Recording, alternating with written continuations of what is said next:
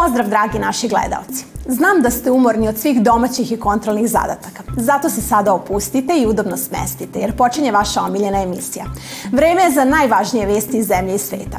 Ja sam Zorana Nikoletić, a u Dečijem dnevniku vidjet ćete kako izgleda izložba likova iz poznatih filmova kako je jedan Japanac postao pas i tako ispunio svoj dečački san. Koji su najzanimljiviji predlozi za vikend zna naša Kalina Žakić. A kako će vreme biti za vikend zna naš kolega Petar Nedeljković. Na samom početku emisije donosimo vam jednu priču iz sveta. Ukoliko ste fanovi gospodara Prstenova i Igre prestola, ova vest će vas sigurno obradovati. U Londonu je održana izložba na kojoj su predstavljeni kostimi koji su korišćeni u ovim popularnim ostvarenjima, ali su posetioci imali priliku da pogledaju i kako se žan širio i u drugim medijima. Više o ovoj izložbi vidjet ćete upravo sada. U Londonu je održana izložba na kojoj su svi fanovi serijala Igre prestola i gospodara Prstenova mogli da se upuste u magičan svet fantazije. Izložbu je organizovala Britanska biblioteka pod nazivom Fantazija, carstvo mašte. Imamo više od 100 stvari na ovoj izložbi. Naravno, glavne i najvrednije stvari ovde u našoj biblioteci su knjige i mnogi rukopisi. Ali zaista smo želeli da pokažemo kako se žanr fantazije širio i u drugim medijima. Zato imamo filmove, kostime, intervjue, igrice. Neki od ovih kostima su čak napravili fanovi i poslali nam. Sama izložba sagleda istoriju iz ugla fantazije još od svojih prvih i najranijih formi, kao što su pričanje priča, bajki i narodnih priča.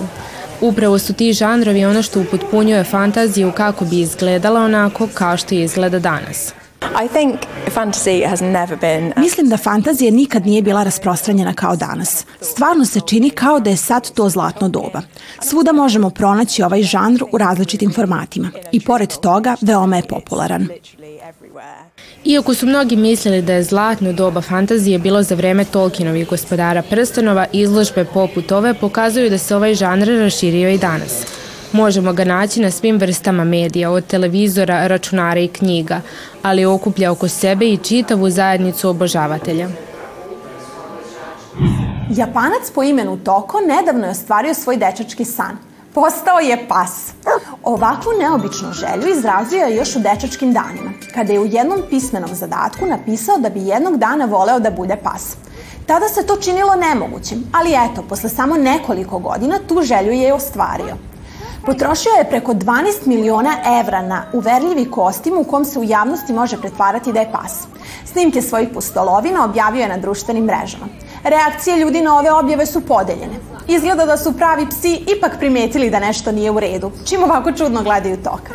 U svakom slučaju, ova priča nas uči da uvek verujemo u svoje snove, jer kao što vidite, ništa nije nemoguće ostvariti. Kao što znate, danas je petak i pravo je vreme da porazgovaramo o planovima za vikend. Verovatno neki od vas već znaju kako će provesti subotu i nedelju. Ali ako među vama ima onih koji još uvek ne znaju kuda za vikend, ništa ne brinite. Tu je naša koleginica Kalina Žakić koja je detaljno istražila zanimljive opcije. Dakle, pažljivo gledajte i slušajte kakve ideje je spremila za vas. Pozdrav drugari! Kao i svakog petka ja ću vam dati savršene predloge kako da provedete vikend koji samo što nije počeo. Evo šta sam pripremila. U tržnom centru Biku nedelju će biti održana radionica Oboj svoj medenjak. Tamo će deca imati priliku da pokažu svoju kreativnost i oboje svoj kolačić kako oni žele. Na istom to mestu u subotu bit će održan slatki market, tamo ćete vi moći da kupite kolačić koje se vama najviše sviđa. U kulturnom centru u Bačkoj Palanci u nedelju ćete moći da pogledate predstavu Mala ljubavna bajka. A u subotu u pozorištu mladih možete pogledati bajka o vitezu bez konja. Mako, kasnimo na venčanje. Hajde da se venčamo. Čerovo. Šta? mislim da, da se Bridget i Brisel venčaju. Da, a, jer bilo bi čudno da se mi venčamo. Da, baš wow. čudno. Bleh. Da. Bleh. Kao što već znate, ja obožavam bioskop, pa imam puno predloga za vas. Možete pogledati Trolove, Tri bed na okupu, Mamka rašniće sa šume, Super Mario braća film i mnogo drugih.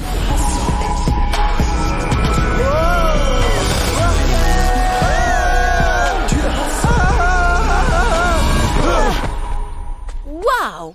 Eto, toliko od mene za ovu nedelju. Mi se vidimo sledeće nedelje, a ja se mnogo radujem da istražujem predloge za vas. Ćao! A da bismo realizovali planove za vikend, potrebno je da nas vreme posluži. Istina, vremenska prognoza je nekad tačna, nekad ne. Valjda se zato zove prognoza. U svakom slučaju, kolega Petar Nedeljković detaljno je istražio meteorološke podatke. Zato predlažem da čujemo do kakvih informacija o vremenu je stigao, odnosno kako vreme treba da očekujemo u subotu i nedelju.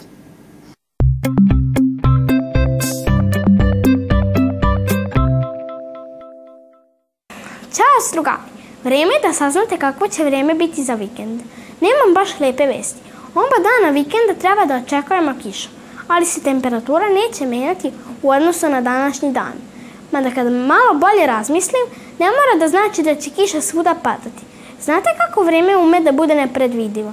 To vam dođe nešto ko horoskop.